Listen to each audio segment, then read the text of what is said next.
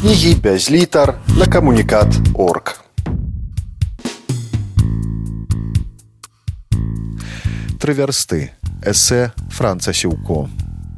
Адлегласць паміж могілкамі пры царкве міколы цудатворца ў качаках, дзе знаходзіцца сямейны некропаль толстых і магілы льва толстого ў яснай паляне складае з улікам дружыні сцяжын ад уезду ў сядзібы да захавання прыкладна тры вярсты.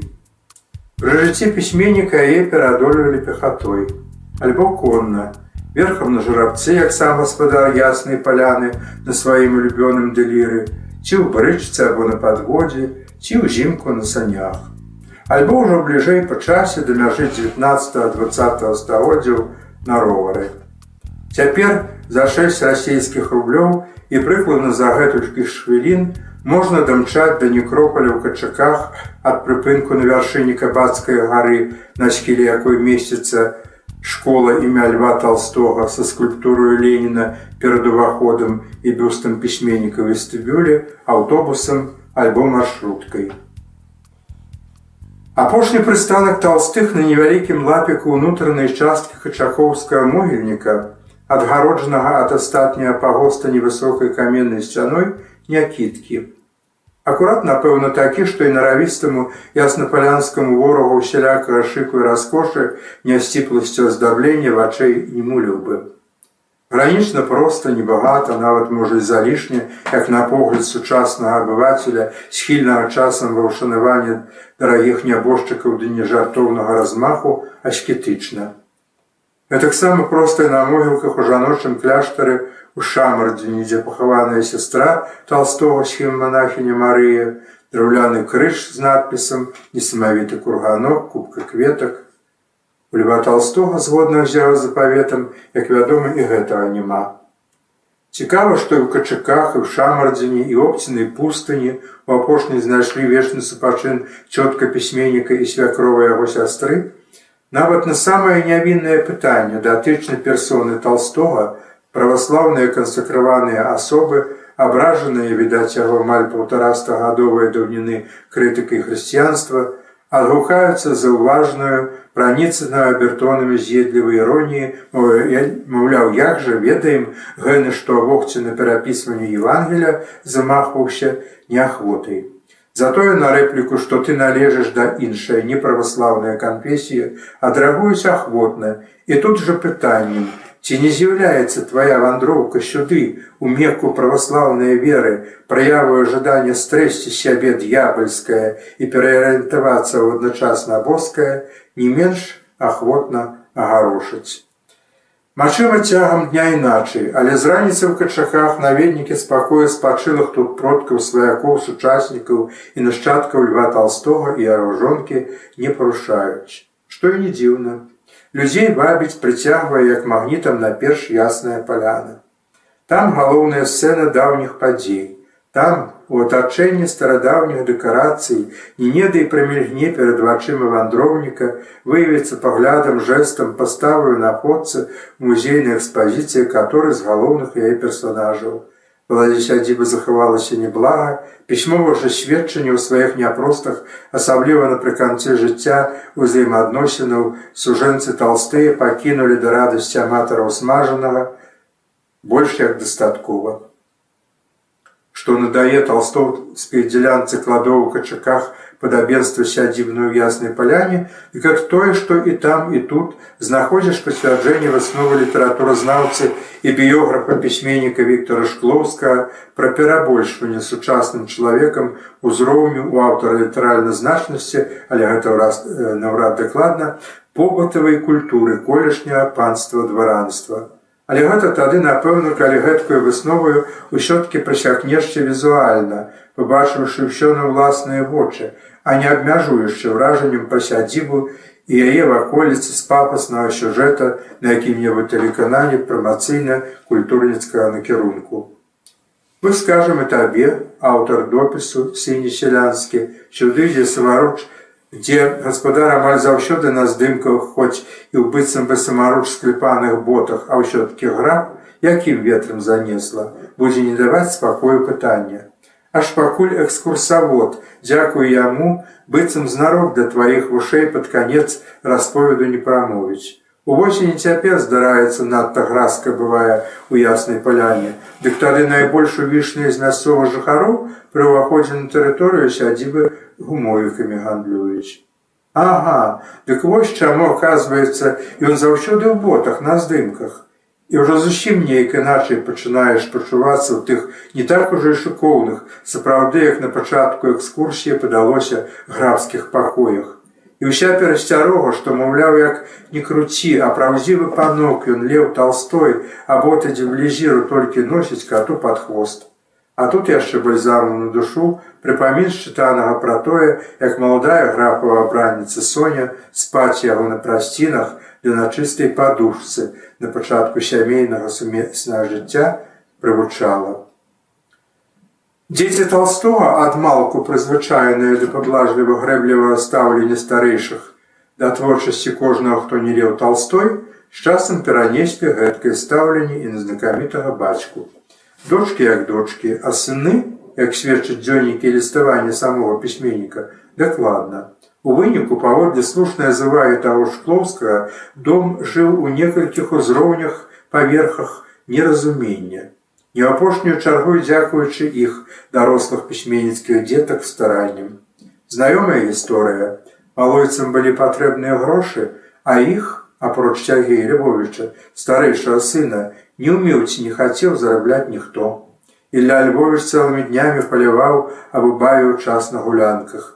Андрей Львович, які разышоўся жонкаю і знайшоў замену ў асобе жонкі тульскага губернатара, маці шасцярых дзяцей, жыў на заробах чыноўніка і гуляў у карты, баляваў ды перажываў раманы. З галавою сям'і на той час ужо больш як паспяговым пісьменнікам Львом толстым, што забяспечваў сваім дарослым дзецям і іх нашчадкам годнае існаванне, мужчыны лічыцца пры гэтым не надта жадалі. Усіх перазышоў у канфліктаванні са знакамітым продкам яго сын цёзка леў. Пасрэдны ў параўнанні з бацькам скульптар і гэткі ж літаратар. Непаслядоўны неўраўнаважаны разам з тым абітны чалавек, ён раўнаваў пісьменніка да літаратурнай славы, відаць зайздросціў яму і ў дзённіках не тоячыся пісаў пра тое, як яго ненавідзець. У запале злосці крычаў бы на хлопчука, абражаў злымі і справядлівымі словамі, а пасля выбачаўся, прасіў у лістах маці, якая паводле яе ж прызнання найбольш сусіх дзяцей яго любіла, каб ад яго на імя пацалавала бацьку руку.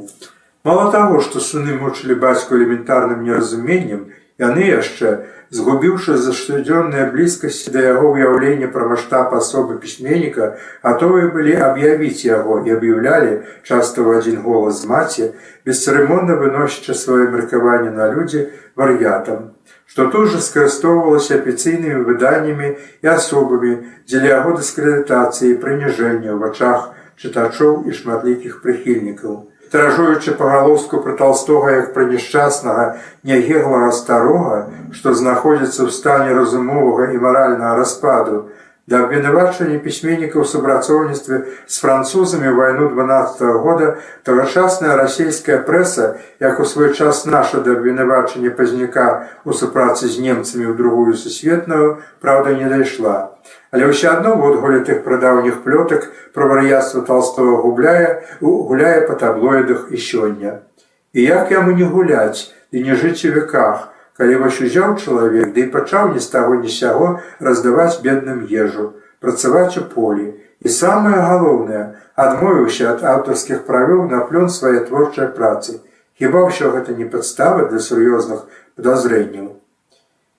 І хіба дзіва пры такім раскладзе, што Леў Талстой уяўляўся сынам старэчаю, што дажывае век, якога можна пры нагодзе і воддаль пасунуць і павучыць, як жыць для сябе паводзіць. Ды як да смерці рыхтавацца, як паміраць таксама. Апошняе выразна бачна ў вядомым лісце звароце да пісьменніка сына Іллі пасля таго, як бацька назаўсёды сышоў з дому. Табе 82 гады і мама 67. Жыццё ба іх пражыта але ж трэба паміраць добра. Было б аднак памылкаю бачыць ва ўчынках сыном толстога нейкі адмысловы намер нашкодзіць бацьку. Яны жылі так, як умелі, як дазваляў ім узровень іх мыслення развіцця. Толстой рос, развіваўся, дужэў духоўна. Сыны ж яго наадварот, дасягнуўшы пэўнага ўзросту, сілаў для далейшага духоўнага адужання, як гэта часта бывае, не знаходзілі. Спраўна спажывалі здабытыя іншымі і, Бляшывілі, ніжэлі, ніцелі, усыхалі, сендварот круглелі, шлях якого не толькі нашчадкі толстога, але і куды менш спешчаныя незаробленым уласнымі рукамі дабрабытам маладзёны розных часоў ды народаў не пазбеглі.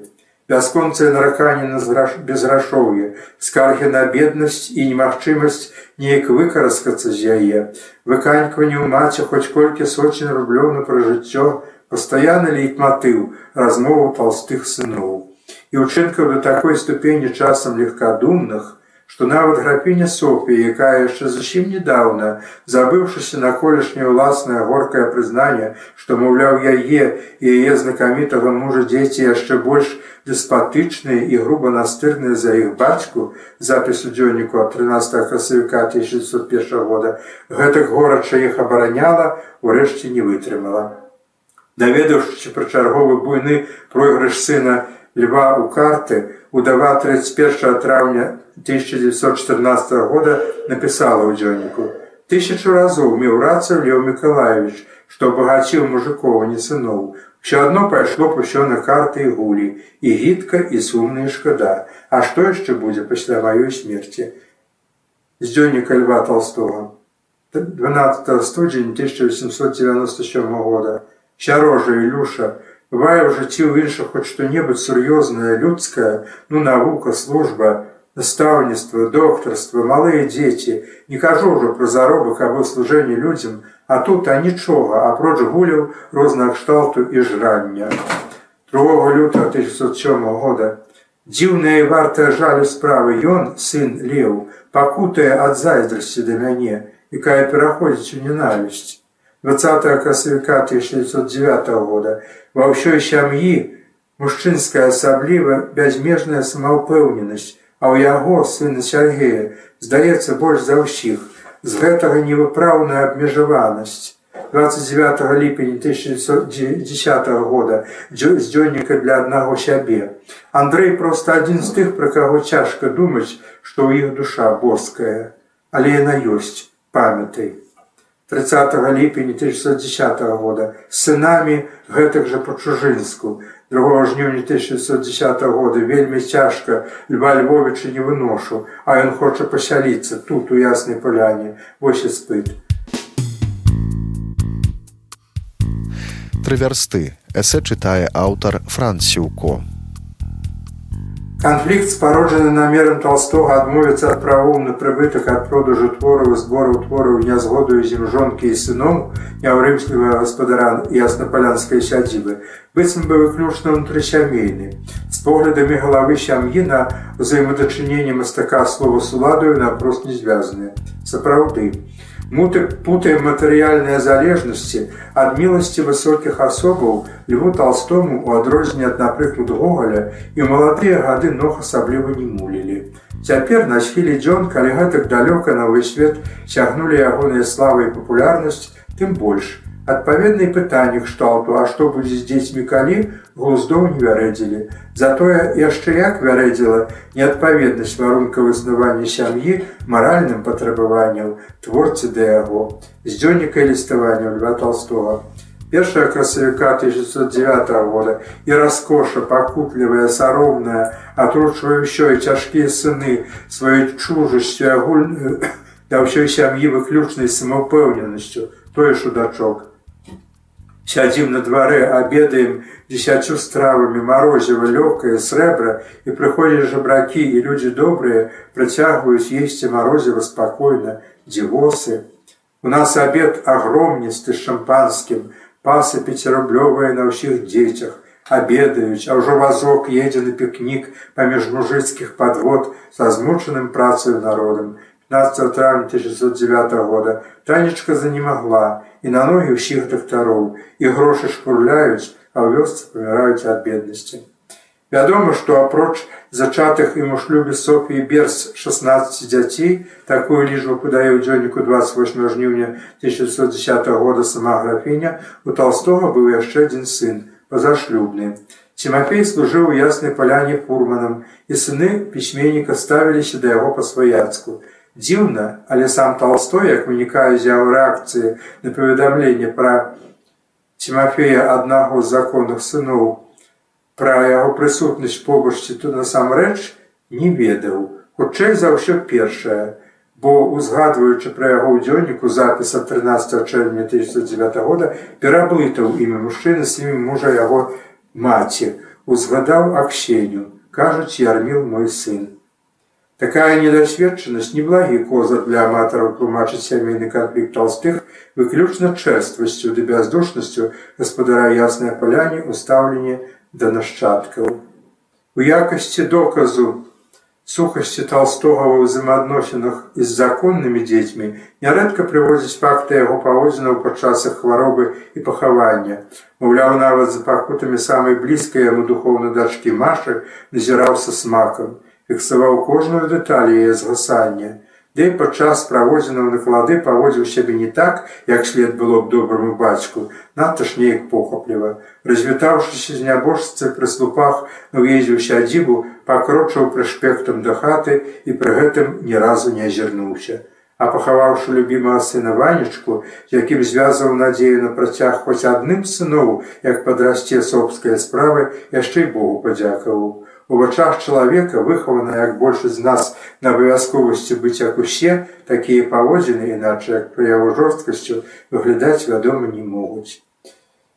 Дзённіка льва толстога 26 лютага 1895 года пахавалі ванечку жахлівая не не жахлівая, а вялікая душэўная падзея. Дякую табе отец, дзякую табе. дзённіка льва толстога 25 красавіка 1906 года саснілася, што выганяю сына. Сын зборнае высабленне Іллі Андрэя Сярожы. Ён не сыходзіць.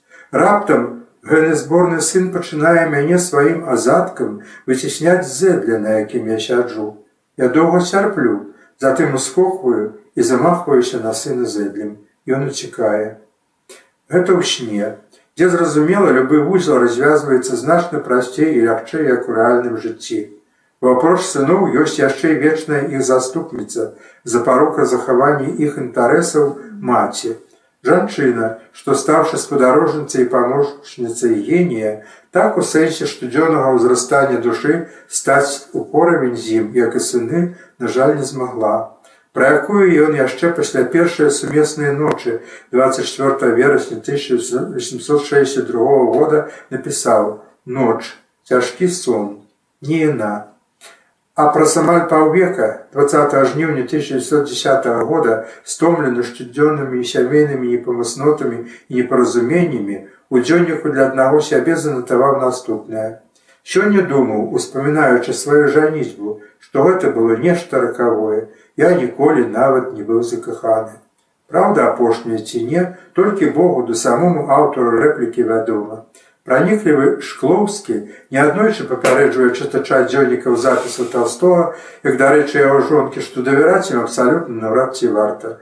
Зрэшты, як і зусім не давяраць, або давяраць толькі камусьці аднаму з персонажаў драмы таксама дбайная, увішная, гаспадыня дзвюх яснапалянскай маскоўскай сядзібаў і надзейная памочніца пісьменніка ў літаратурных справах, якой скупы на пахвалу толстой нават пярсцёнак с рубінам той самы што знаходіцца цяпер у музеі толстого москве на прачысніцы падарыў у знак падзякі за дапамогу падчас працы над ганнай карэнінай сопля толстая рэўнасцю сваёй і жаданнем паставіць талент мужа на службу сям'і часта рабіла суе месцнае існаванне невыносным. Вежыванне прыдзіркі шантаж істэрыкі інспірацыя самагубства іншыя праявы душэўнай неўраўнаважанасці Усё гэта сямейнаму жыццю трываласці не дадавала.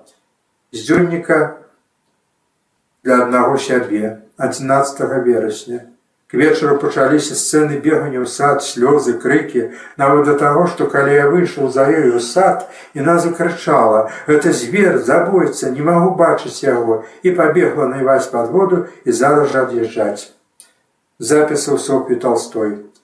Загубіш ты ўсіх нас сваімі задзірстымі артыкуламі, дзе тут любоў не супраціў і не маеш ты права, калі дзевяць дзяцей губіць мяне і іх. Быццам адказваючы на папрокі наконт абыякавасці далёсаў дзяцей і абгрунтоўваючы сваё рашэнне давесці задуманае з адмоваю ад права на прывытак ад продажу выдадзеных твораў да канца пісьменнік у тым жа дзённіку для аднаго сябе 29 ліпень 2010 года піша нельга ж пазбавіць мільёны людзей магчыма патрэбнага для іх душы Нават калі маецца толькі самая малая верагоднасць, што напісанае мною патрэбна душам людзей, нельга пазбавіць іх гэтай духоўнай ежы дзеля таго, каб Андрэй мог піць і распуснічаць, але ўпэцкаць і шматкроп'я. Намер свой датычна адмовы ад прыбытку з друкавання твораў толстой, як вядома жыццявіў. Вынікам стала значнае пагаршэнне матэрыяльнае становішча сям'і. Такое для звыклых для бязбеднага існавання людзей катастрафічнае, што пасля смерці пісьменніка дня не мінала, каб сыны пра яго не ўзгадалі, а іх маці ні неда і не ўпікнула нябожчыка ў сваіх запісах. Як напрыклад у гэтым ад 19 студзеня 1910 года перапісвала добры ўрывак Льва Миколаевича пра Бога, пісаў добра, але што зрабіў з дзённіка Сопі Толстой. 22 снежня 1910 года прыехаў сын Андруша, пазней Ілля. Я ім вельмі рады, але абодва маркотныя, засмучаныя грашовымі справамі. 4 студзень 1911 года. Увечары нахлынулі сыны Ілля, Андрэй і Міша, выпрасілі 1500 рублёў. 20 студзень 1911 года цяжкія размовы з Андрушам. Калі не будзе грошай, я застрэлюся. 13 чэрвеня 1611 года прыехаў сын Міша, выпрасіў 1800 рублёў. Я дала, хаця непрыемнае гэтае вечнае вымагальніцтва грошай з боку ўсіх маіх дзяцей, апроч дачок. 17 лістапада 1611 года Ілля скардзіцца на кепскія свае справы, кажа: застрэлюся. 21 студзеня 1912 года у ране прыязджаў сын Ілля, знэнджаны поўным безграшоўем крыху пазней. Прыязджаў Ілля дала яму тысячу рублёў. Варты жалю і кепска тое што ўсіх на свеце вінаваціць. Усе вартыя жалю за безграшоўе. Заязджаў міша дала яму три тысячи рублёў. 21 красавіка 1912 года атрымала 100 тысяч за кнігі разаслалася нам грошы. 12 кастрычніка 1912 года. Быў андруша узяў у мяне 2000 рублёў 20 студзеня 1913 года прыязджалі сыны Андруша яшчэ нездаровы і Ілля, якому пазычыла быццам бы 6 тысяч рублёў. І ён павесялеў адразу ці надоўга. 15 студзень 1613 года сумна тое, што ў мяне дзяцей быццам бы няма. Ніхто не піша, усе забыліся пра мяне, а я пра іх так шмат думаю крыўда крыўдаю, але канешне мацярынскі інстынкт вышэй. Заклапочаная фінансамі непрыемнасцямі дзяцей соплі толстая піша на імя імператора запад. Скананне майго мужа, графа Льва Миколаевич Толстога і яго завяшчання абяздолілі шматлікую яго сям'ю сямі дзяцей 25 унукаў настолькі, што некаторыя з дзяцей маіх не ў стане не толькі выхоўваць, але і проста прыкарміць сваіх дзяцей. Яна просіць дзеля паляпшэння становішча сям'і аб набыцці яснай паляны ў дзяржаўную ўласнасць.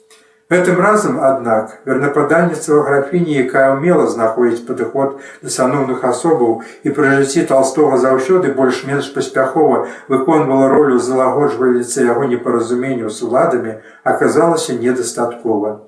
Не жадаючы ўзбагачаць дзяцей свайго зацятага ворага, рада міністраў адхіліла просьбу Софі Толстой наконт сядзібы, але праўда самой ёй прызначыла пенсію. Так праз незгаворлівага бацьку дарослыя дзеці толстога пацярпелі, не даатрымаўшы амаль палову з таго, што маглі падтрымаць, калі быў ён хаця б крыху, хаця б, напрыклад, гэта как некаторыя з нас сённяшніх беларусаў памяркоўным. Тут, напэўна, дарэчы, будзе разважаць хаця б мімаходзь пра кошт памяркоўнасці. Звычайна, як вартыя спачуванне жалю разглядаюцца матэрыяльныя страты з-за яе адсутнасці тады, калі выяўляюць яны штосьці больш-менш унушальнае.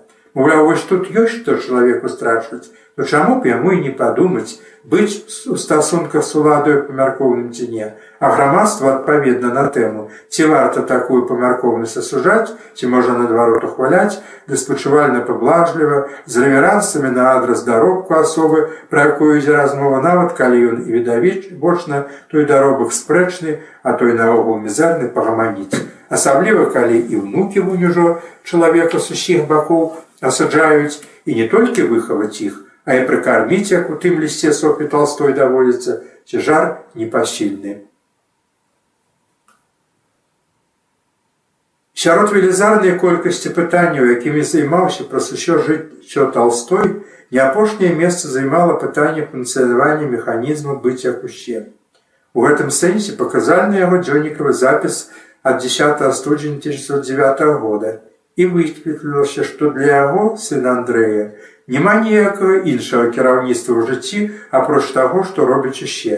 Высветлілася, што ў гэтым усё, што за нязначнымі выключэннямі усе жывуць так і могуць не жыць так, таму што не маюць нічога іншага, чым можна было б кіравацца. І там жа акурат тое, што і нас сённяшнюю датычыць. Інтэлігенты это тыя, што гэтак жа, як усе інтэлігенты. Непрыманне уніфікацыі паводзінаў, і ладу жыцця было ўласцівае толстому з маладых гадоў. І тым больш не жадаў ён і не мог заставацца як усе напрыканцы свайго зямного шляху.